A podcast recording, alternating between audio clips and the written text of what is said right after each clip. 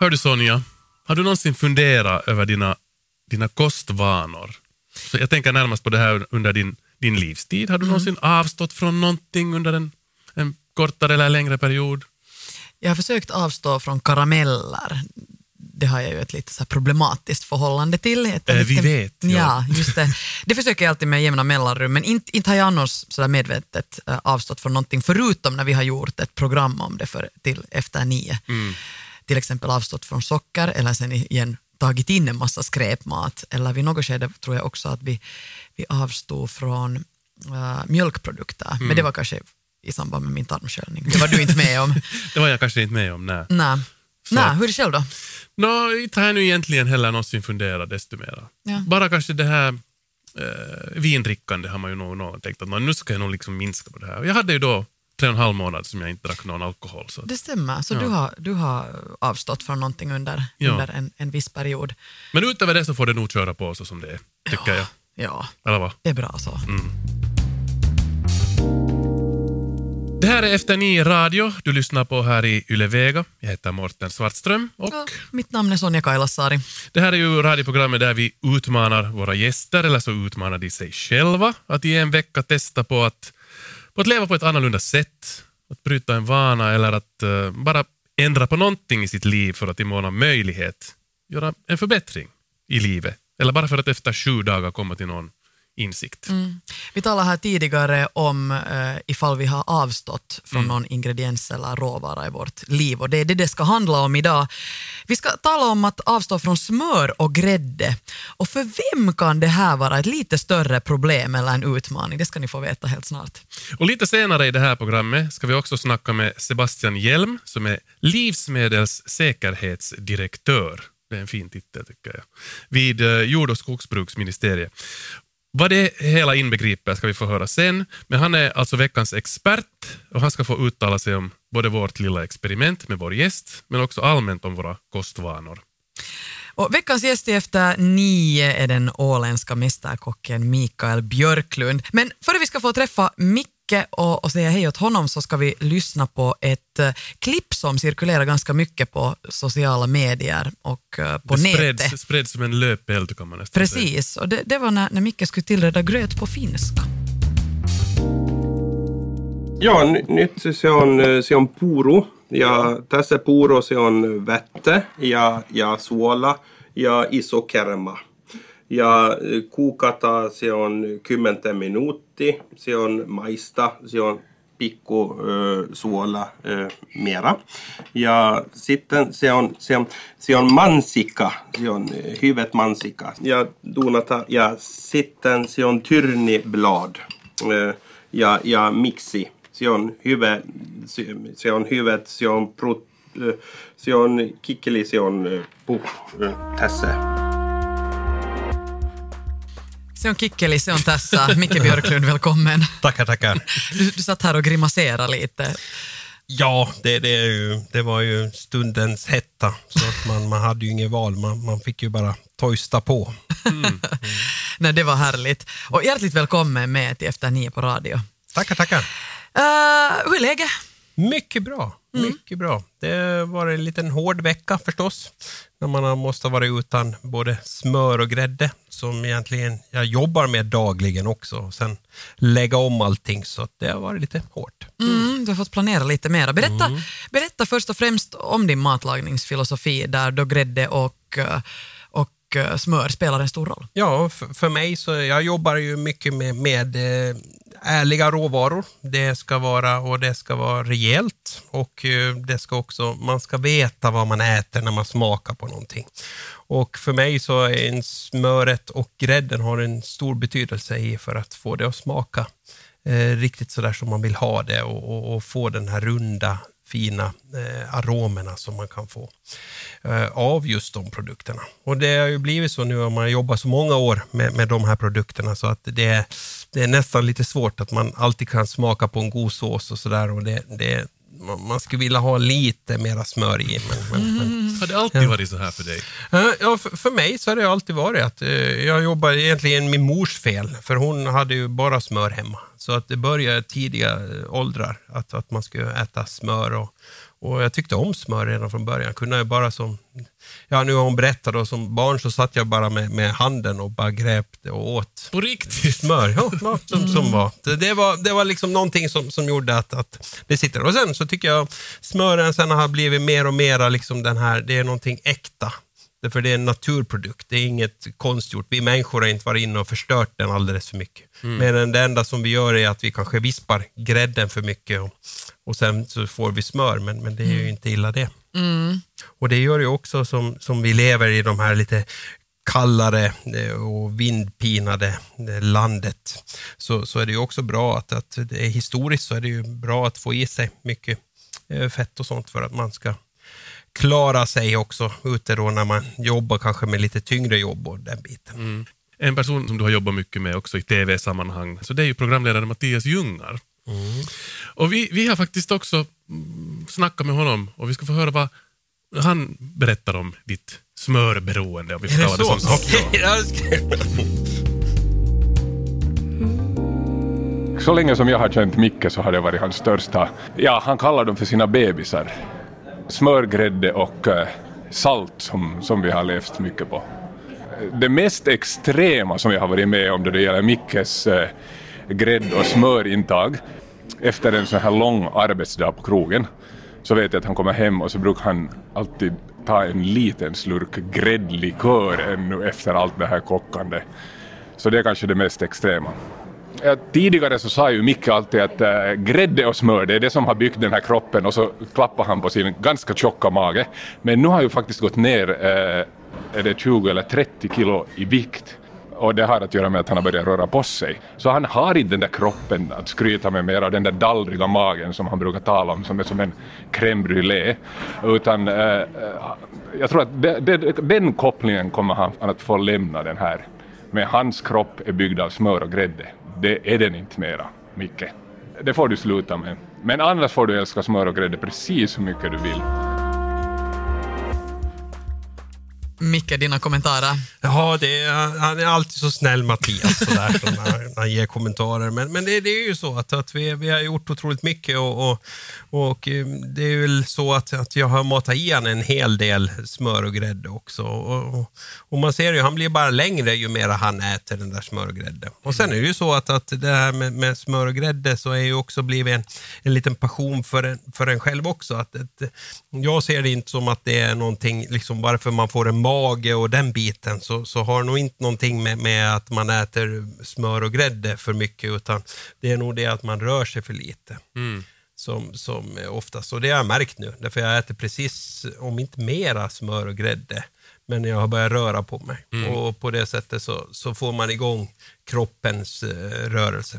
Du har börjat löpa och du har gått ner som sagt. Du måste ju gratulera till det. Ja, Eller ska, ja, ska man gratulera? Ja, ja, men, no, ja kanske inte. Man vet ju inte aldrig, jag har inte vågat börja köpa nya kläder nu så att det, det känns lite konstigt. Det är sådana kläder som, som alltid knapparna har liksom, eh, varit så här liksom utspretat och sånt och nu, nu, nu är de så här tunna sådär. Men, men det, ja, på något sätt så, så, så börjar man orka mycket mera när man har börjat röra på sig. Eh, Och eh, det gör också att eh, det, det blir roligare också att jobba i köket. För i köket så, så rör man sig och det blir lite enklare att röra sig. Och, och jag ska försöka hålla i det. Du antog alltså utmaningen att avstå från dina favoritingredienser. Varför gick du med på den här utmaningen?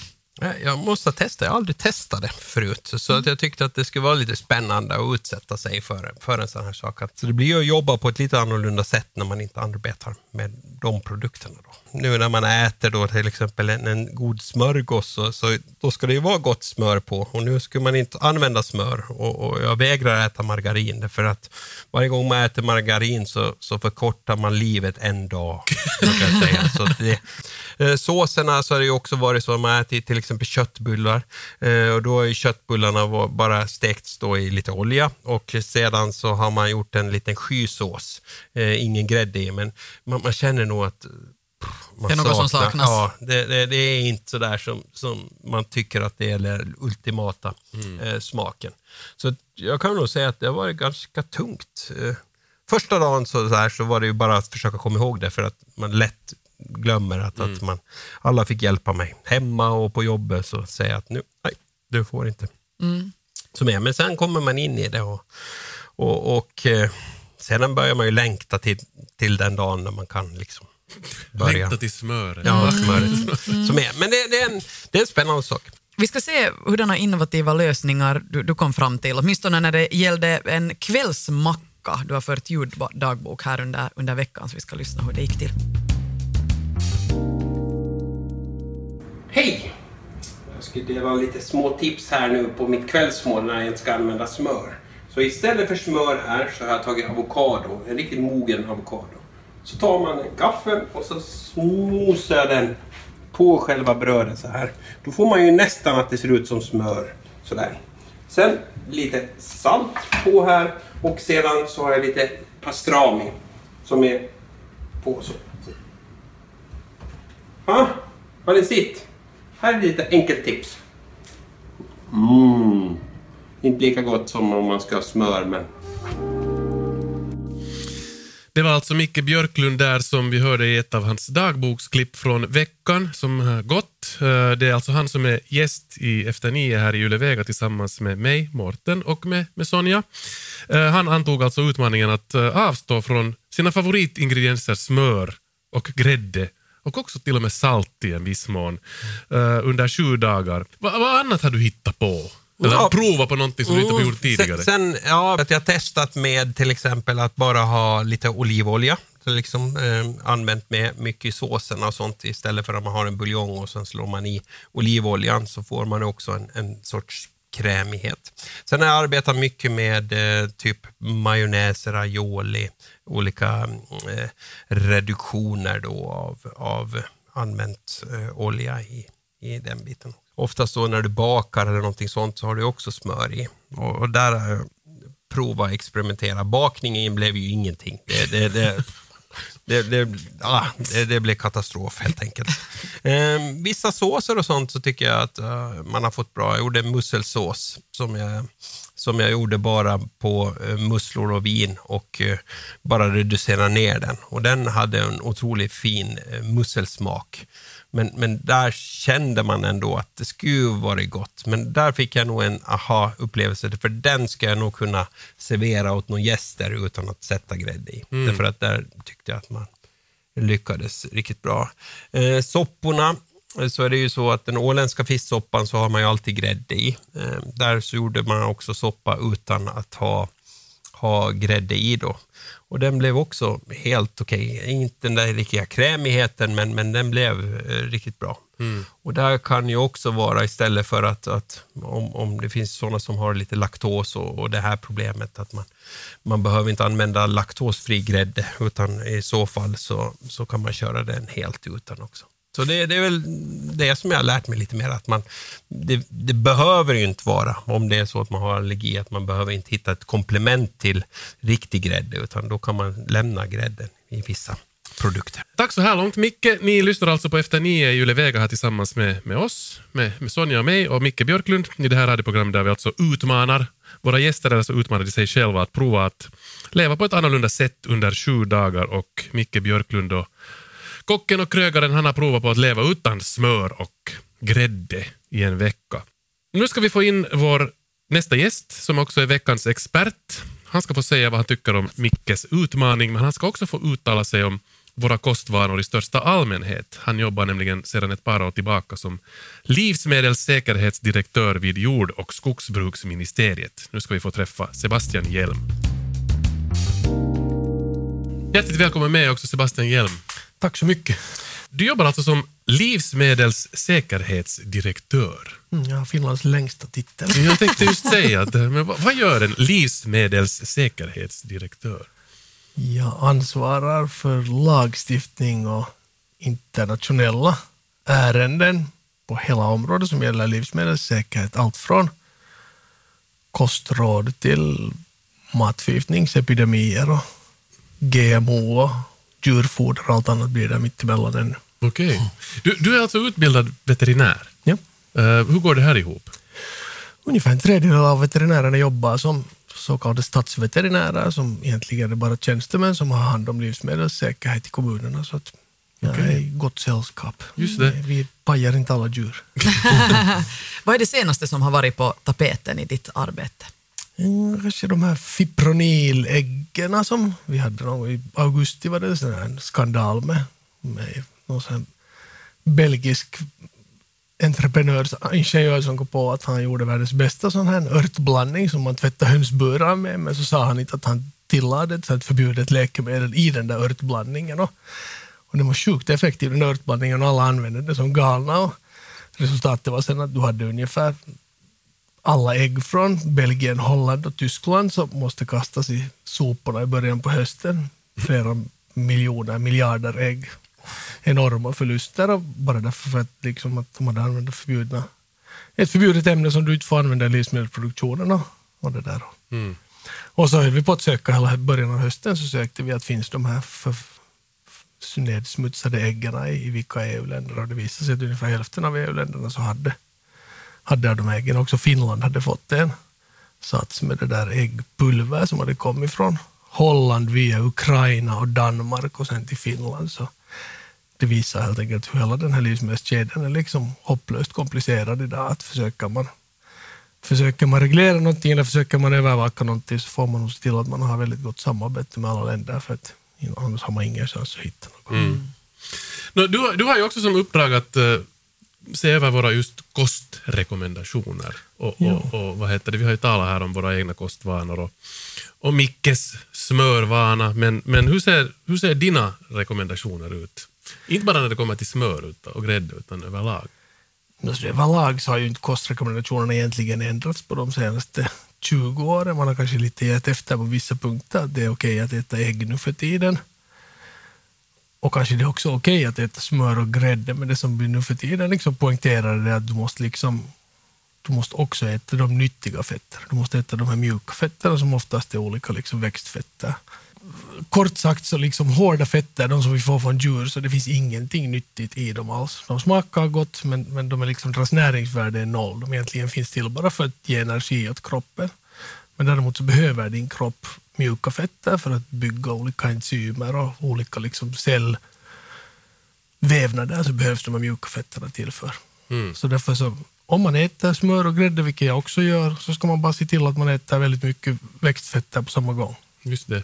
För det är de som behövs. Äter du mycket smör och grädde, äter du för mycket så då blir du, då blir du väldigt fet. För att som sagt så din kropp kan liksom inte använda dem som någon slags vettig näring. Utan antingen så använder du dem på att du går ut och springer som Micke har gjort nu, eller så använder du inte dem och då blir de fett på din kropp. Mm.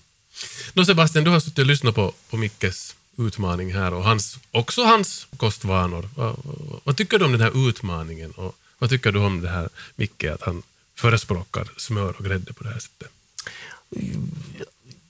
Jag, jag tycker det är helt okej. Jag menar, du kock så då, då förespråkar du smör och grädde. Jag tycker också att smör och grädde är gott. Jag använder det själv när jag lagar mat. Men, men, det där, men samtidigt så det är ju roligt att höra att han har antagit utmaningen och att han har funnit att vissa liksom maträtter funkar helt bra också utan smör och grädde. Jag tror att det är det som är kanske viktigast för människor. Att bara liksom pröva sig fram och märka att att inte behöver du ha smör i riktigt alla rätter som, som din mamma har lärt dig att det ska vara smör i dem och du behöver inte ha ha grädde. Eller helt enkelt du kan ha välja att du har en dag att du inte lagar en, en mat som kräver grädde utan du lagar istället någon fräsch sallad var du har växtoljor i istället. Och sånt. Men att nu, liksom, moderna kostrekommendationer går ju nu ut på att människor ska äta allt med måtta och, liksom, man får äta lite onyttiga, onyttiga ingredienser men, men gärna ska du uppväga dem till exempel de nyttiga. Mm. Eh, den här eviga frågan, smör eller margarin? Den här som har bollats av och an här under tiotals år. Var ligger vi nu när det kommer till, till det? Alltså om du frågar helt vetenskapligt så ligger vi vid det att, att smör är inte nyttigt och margarin är nyttigt.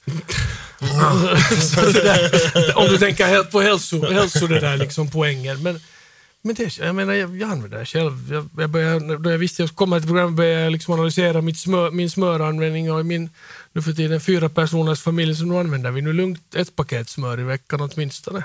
Mm. att vissa maträtter så ska du göra med smör, för det smakar godare. Men däremot har jag aldrig förstått det här vurmande för att du måste ha smör på bröd. Jag tycker att det är jättekrottigt att ha ett sånt hårt smörpaket och det vill ju liksom inte, man kan ju inte breda ut det på brödet ordentligt. Och, och det där, och jag, jag, är liksom, jag är uppvuxen i en familj var, var, var jag blev jag lärde mig att laga, laga mat med, med smör och grädde men att på bröd så satt vi alltid flor och sen början av 70-talet. Det var liksom, för mig så är det det naturliga att sätta på det. Och det är det som är väldigt viktigt när man uppfostrar barn och, och vill lära dem goda kostvanor. Att vad som helst som man lär sig när man är barn så tycker man att det är helt normalt. Att Försöker du sen i min och Mickes ålder ändra på dina kostvanor så tycker du alltid att "Nå, nu var det där smöret ändå alltid bättre. Och så där. Man ska, det ska böjas i tid det som krokigt ska bli. Sen tycker jag också man märker en sak som är också att man, man kan nog äta ganska mycket smör och grädde men, men när man börjar blanda smör och grädde med kolhydrater så, så tycker jag att då på något sätt så, så blir det någon kemisk reaktion och då, då sätter det sig mera. Så att om man håller sig borta ifrån kolhydraterna så, så i alla fall jag klarar av att äta ännu mera smör och grädde då utan att det sätter sig på, på kroppen. Men Ja, det, det, alltså det, det är väl sant. Det är ganska många människor som, som kör nu för tiden med, sån här med ganska så starkt fettdiet och, och, och försöker minska kolhydratintag eller försöker närmast nolla det. Och, och då kan du, om du, om du får, liksom, om du får det liksom, kolhydratintaget så lågt så, så att du inte knappt märker det, så, så då, då lyckas du faktiskt upprätthålla en sån där viss liksom fettmetabolism som gör att du bränner just det här onyttiga fettet som du, som du annars skulle, liksom, annars skulle du ta energin från, från de där kolhydraterna för det är på något sätt mer lättillgängligt och det där smöret sätter istället på midjan. Men, men har du inte kolhydraterna så du bränner du i princip det där smöret eller vad som helst för fetter som du äter istället. Så det, det, det ligger något i det där. Och det, många människor som har fått det att funka men, men samtidigt tycker jag liksom att tycker man om mat så nu är ju liksom en, ett liv utan kolhydrater är ju nästan lika hemskt som ett liv utan smör. Ja, och, och, men jag har, jag har en favoriträtt där jag kombinerar just de här, det är liksom, nu kommer Micke och himla med ögonen och blir helt, helt tokig, men alltså vanlig pasta och massa smör. Så det blir en sån här smör, nästan soppa och sen lite ketchup där till. ännu. ketchup så här. Men det här har att göra just med, med, med vad du talar om också, det här att vad vi vänjer oss vid eh, i barndomen, så är en sån här trygghetsrätt sen som man har senare. Inte vet jag om det är kulinaristiskt en liksom otrolig upplevelse, men det är något helt Skulle du ladda fruktansvärt bort ketchupen så är det väl sådär Alfredo. Men jag måste ju erkänna att, vad heter det, när ni talar om att i barndomen, jo visserligen, men, men någonting som jag lärde mig i, i 20-någonting åren när jag bodde flera år på Irland, jag hade aldrig förstått mig på, eller tyckt om majonnäs. Men där hade de ju majonnäs på allt. Och jag började sätta det i allt jag åt. Och jag kan inte sluta idag. Jag håller ändå på. Jag Okej. älskar Men det är majonnäs. intressant att du tog upp den där majonnäsen, för det slog mig faktiskt första gången jag hörde på en när ni talade här tidigare, Micke, Micke hade gjort någon macka med majonnäs också. Och, och liksom, man är ju man, vänt, man tycker ju att majonnäs är jätteordigt, det är ju bara fett och det är liksom att det finns inget bra i det, men det är ju faktiskt bara vegetabiliska fetter. Det är ju liksom Ja. en Ägg och aioli, olja. majonnäs, ägg och olja. Och ägg är ju nu för tiden helt liksom anses vara nyttig mat, så liksom fritt sitter det bara och fortsätt med dem. Mer majonnäs bara. Men du, du har Sebastian också uh, tagit med, radat upp lite oljor här på, ja. på bordet. Va, va, va, och så har du Jag, jag har tagit med liksom som exempel på såna här nyttiga oljor, för det är liksom många människor som inte vet heller att liksom vad som är nyttigt och vad som är inte. Så jag kan ju säga att om människor liksom undrar så, så nu för tiden så anser vi att, att, att i Finland så är det överlägset mest liksom hållbara, ekologiska och hälsosamma valet är helt rypsolja, vår vanliga rypsolja. Den kan vara kallpressad eller den kan vara helt sån här Perus rypsolja. Det är egentligen inte så stor skillnad. Det här liksom talet om att kallpressade ska vara mycket finare alltid, så det är egentligen ur, ur liksom en hälsosynpunkt så är det inte så stor skillnad på liksom jungfruolivolja, vanlig olivolja eller kallpressad rypsolja eller vanlig rypsolja. Viktigast är den där fettsammansättningen. Rypsolja är jättenyttigt. Olivolja är också nyttigt, det tog jag också med mig. Uh, I princip så är de helt jämvärdiga. Och sen den tredje som jag tog med som inte så många människor använder så är faktiskt avokadoolja. Och de här tre skulle jag nu säga att det är ungefär liksom det nyttigaste du kan äta om du ska äta växtoljor. Däremot finns det ju vissa människor som, som pratar varmt för kokosolja. Kokosolja är riktigt det värsta, det är, för, det, eller det är värre än smör. Det är liksom bara, bara mättade fetter egentligen, hela kokosoljan, vilket man egentligen ser för när du tar den i kylskåpet så är den ju liksom en stenhård klump. Du menar Så det? kokosolja ska du liksom inte Det äta. här kokosfettet som jag har... Du älskar det va? Men jag älskar det inte, men jag har använt det i matlagning för det ger en extra dimension till vissa rätter. Men nu, nu, nu Nej, det ska kommer jag på andra tankar. Då ska du inte heller, palmolja är ju liksom inte kanske riktigt lika onyttigt men däremot så är det jätteekologiskt ohållbart. Att, att liksom äter du palmolja så är det som att du skulle sluka små orangutangbebisar samtidigt. Så, det liksom, Vilken jämförelse! så, det, det, så det vill man ju inte heller göra. Så att jag, jag, menar, att jag, jag tycker att ganska långt så klarar jag mig på liksom rypsolja och olivolja. Och, och, och det är de, de oljorna jag behöver för att laga salladsås. Det här steker jag i och det här lagar jag salladsås. Du steker i du steker, du steker aldrig i olivolja? Ja, nu steker jag också i liksom sån här vanlig rejäl olivolja, alltså inte, inte jungfruolja. Eller nu steker jag nog det också om det finns, men, men, men i princip har ju den här jungfruoljan har ju liksom en lite sån här fruktig smak och sådär. Vill du ha en ganska sån här, att, jag tycker att vill man ha liksom en neutral stekolja så, så då använder jag vanlig olivolja. Som man har lärt sig också då, som, jag vet inte vem som säger det, men, men att man säger att man an- använder jungfru olivolja och så steker du att den är inte så hälsosam att äta då när man hettar upp den. Stämmer det? Eller det? Nej, egentligen är det väl liksom så att vissa oljor de håller bättre för den här stekningstemperaturen och, och smaken ändras inte. Den blir, blir egentligen olja och blir inte egentligen hälsovådlig av att du steker. De bara smakar Okej. dåligt och maten får, får en sma, bränd smak eller vad man nu ska kalla den där smaken. Men, Så det stämmer inte det här, jag har hört några rykten också om att det blir cancerogent eller det blir... nej. Kolhydrater så rostar du brödet hårt så att det blir svart eller steker du saker i pannan så det bränns och det är det du får. Det är carcinogen, det är de här Bach-föreningarna och det är de man ska vara rädda för. Men, men olja, menar, inte är det säkert nyttigt att du liksom hårdkokar din olja men, men i princip tror jag nog att det mest handlar om att, att vissa oljor tål och håller liksom sin smidighet och sin smörjeffekt och smak även i högre temperaturer därför använder man dem hellre. Micke, när använder du rypsolja? Mm, till när man steker så, så används det till. Och sen är det till majonnäs. Eh, är ju jättebra. Den är ju, där tycker jag att det här kallpressade och de här, så, så oliv och alla de här, så, så det blir en, en ganska eh, hård smak när man gör att det blir en speciell smak. Eh, Medan man använder dem då till sallader eller man har någon fin fisk eller någonting sånt och så droppar över lite olivolja eller mm. Ja. Och fisk, fisk, förlåt. fisk måste vi ju säga något gott om också när vi talar om fetter och vad, vad som är nyttiga fetter. Så liksom, det är ju inte heller struntprat det här att vi ska äta mycket mer fisk och vi borde äta mycket mer fisk. Och det vet jag ju att Micke gillar för jag har hans kokbok hemma. Men, men, men, men, men alltså lika viktigt som att man äter de här växtoljorna så är det att du ska äta mycket fisk. Helst två till tre gånger i veckan. För där, där finns liksom samma nyttiga fettsyror finns där och, och, liksom, och, och det är bara helt enkelt som att sätta pengar på banken att äta fisk istället för kött. Ni lyssnar alltså på Efter nio här i Yle Vega tillsammans med, med mig, Mårten Svartström och Sonja Kailasari och vi sitter här tillsammans med våra gäster som av den ena har utmanat sig själv, Micke Björklund, kock och krögare. Han har utmanat sig själv att inte använda smör eller grädde i en vecka i sin matlagning. Och så sitter vi också här med livsmedelssäkerhetsdirektör Sebastian Hjelm som alltså håller reda på våra kostvanor här i Finland. Uh, Micke, vad, vad, har, vad, har den här, vad har den här veckan nu gett dig? Vad har du fått kommit till för? Har du kommit till någon insikt? Att vara utan smör? Insikt, ja, att man först har klarat av det. Liksom, därför att om man börjar komma upp i den åldern nu så är det ju svårt att, att man liksom, eh, gör ett sånt avbräck. Och sen är det ju så att jag kommit på också när man utsätter sig eh, för sådana här saker att man eh, får ju börja tänka på annat sätt. Att, att man ser ju att det verkligen går att laga annan mat än bara med smör och grädde. Men eh, insikten har nog blivit att, att jag kommer nog att fortsätta eh, använda smör och grädde. Så att det, är gott. Det är gott, ja.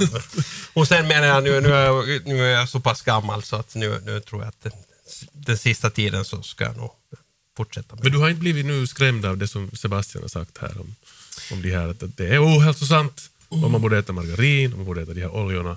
Jag, jag, jag tror ju mycket med det här att, att det är egentligen, man, man kan äta precis eh, vad som helst. Eh, och visst sätter det sig ju på, på kroppen och sånt, men eh, om du ska äta så måste du också röra dig efter det du har intag. Att, eh, om du jobbar fysiskt hårt hela tiden så behöver du äta rätt mycket mat för att, att kroppen ska tillgå det. Om du sitter på ett kontor eller någonting sånt så behöver du ju tänka över vad du stoppar i dig och, och vad du rör dig på, på kvällarna. Så att det där är mycket med, med att vad man äter så beror ju helt på vad du gör egentligen på fritiden. Vad du rör på dig. Och gör. Nå Sebastian, du hämtar med dig tre olika oljor. Men Micke, du har också hämtat med dig någonting som har att göra med, med temat smör eller grädde. Det var faktiskt något som Mattias ju redan också nämnde.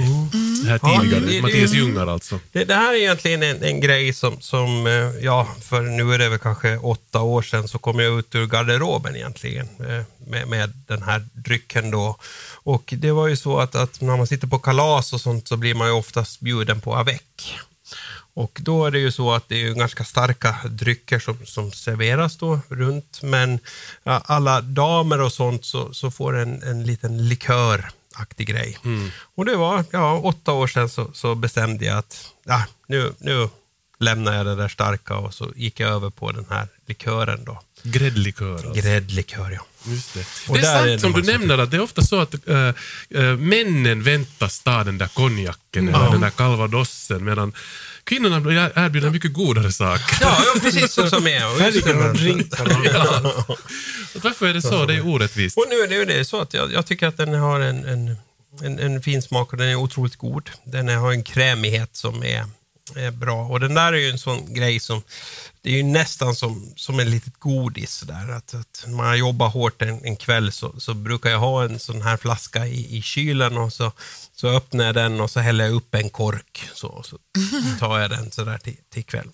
Fantastiskt. Den är jättegod faktiskt. Ja. Så Sätter, man, sätter man en isbit med så blir det ännu så här som glass på något. Ja, Så ja, ja, sådär, precis. det- Det som du har hämtat med är alltså en, en blandning som bygger på väl whisky och grädde. Ja. Hur är det, ska man kunna laga det själv? Har du testat någon gång? Nej, det har jag inte gjort. Jag har inte testat, men jag har faktiskt funderat mycket på det, hur den håller. Som livsmedelshygieniker så är det mitt jobb att liksom få saker att hålla så länge som möjligt. Jag att den här, du kan ju ha den att stå i fem år på stugan och den går att dricka fortfarande. Men det måste vara kallt? Men, men hur, hur fungerar den med, med liksom, att den borde ju skikta sig också? Men, Som eh, men jag, med erfarenhet kan jag berätta att, att, att sen när man en gång har öppnat en sån här så borde den nog stå i kallt för att ja, det finns ju ett bäst före-datum på den här gräddlikören. Och jag har faktiskt råkat ut för en sån som har Okej, farit så. illa. Ja. Nu häller Micke upp här Mm. fyra glas med den här gräddlikören för att nu har vi ju jobbat här i en halvtimme. Så. att- Ja, så nu, Nu är vi liksom förtjänta då Ja, en- det Och det är ju ändå en bra sån här morgondryck. Ja, precis. ja, I rätt mängd så I är rätt det mängd. ju riktigt. En Ja. liten fin. Nej, men skål och, och tack för att ni kom. Ja. Tack så Tack, mycket. för att du antog utmaningen och tack för din expertis. Ja, Tack tack, så mycket. Skål. Mm. Det var bra radio det blir när man Ja. ska dricka.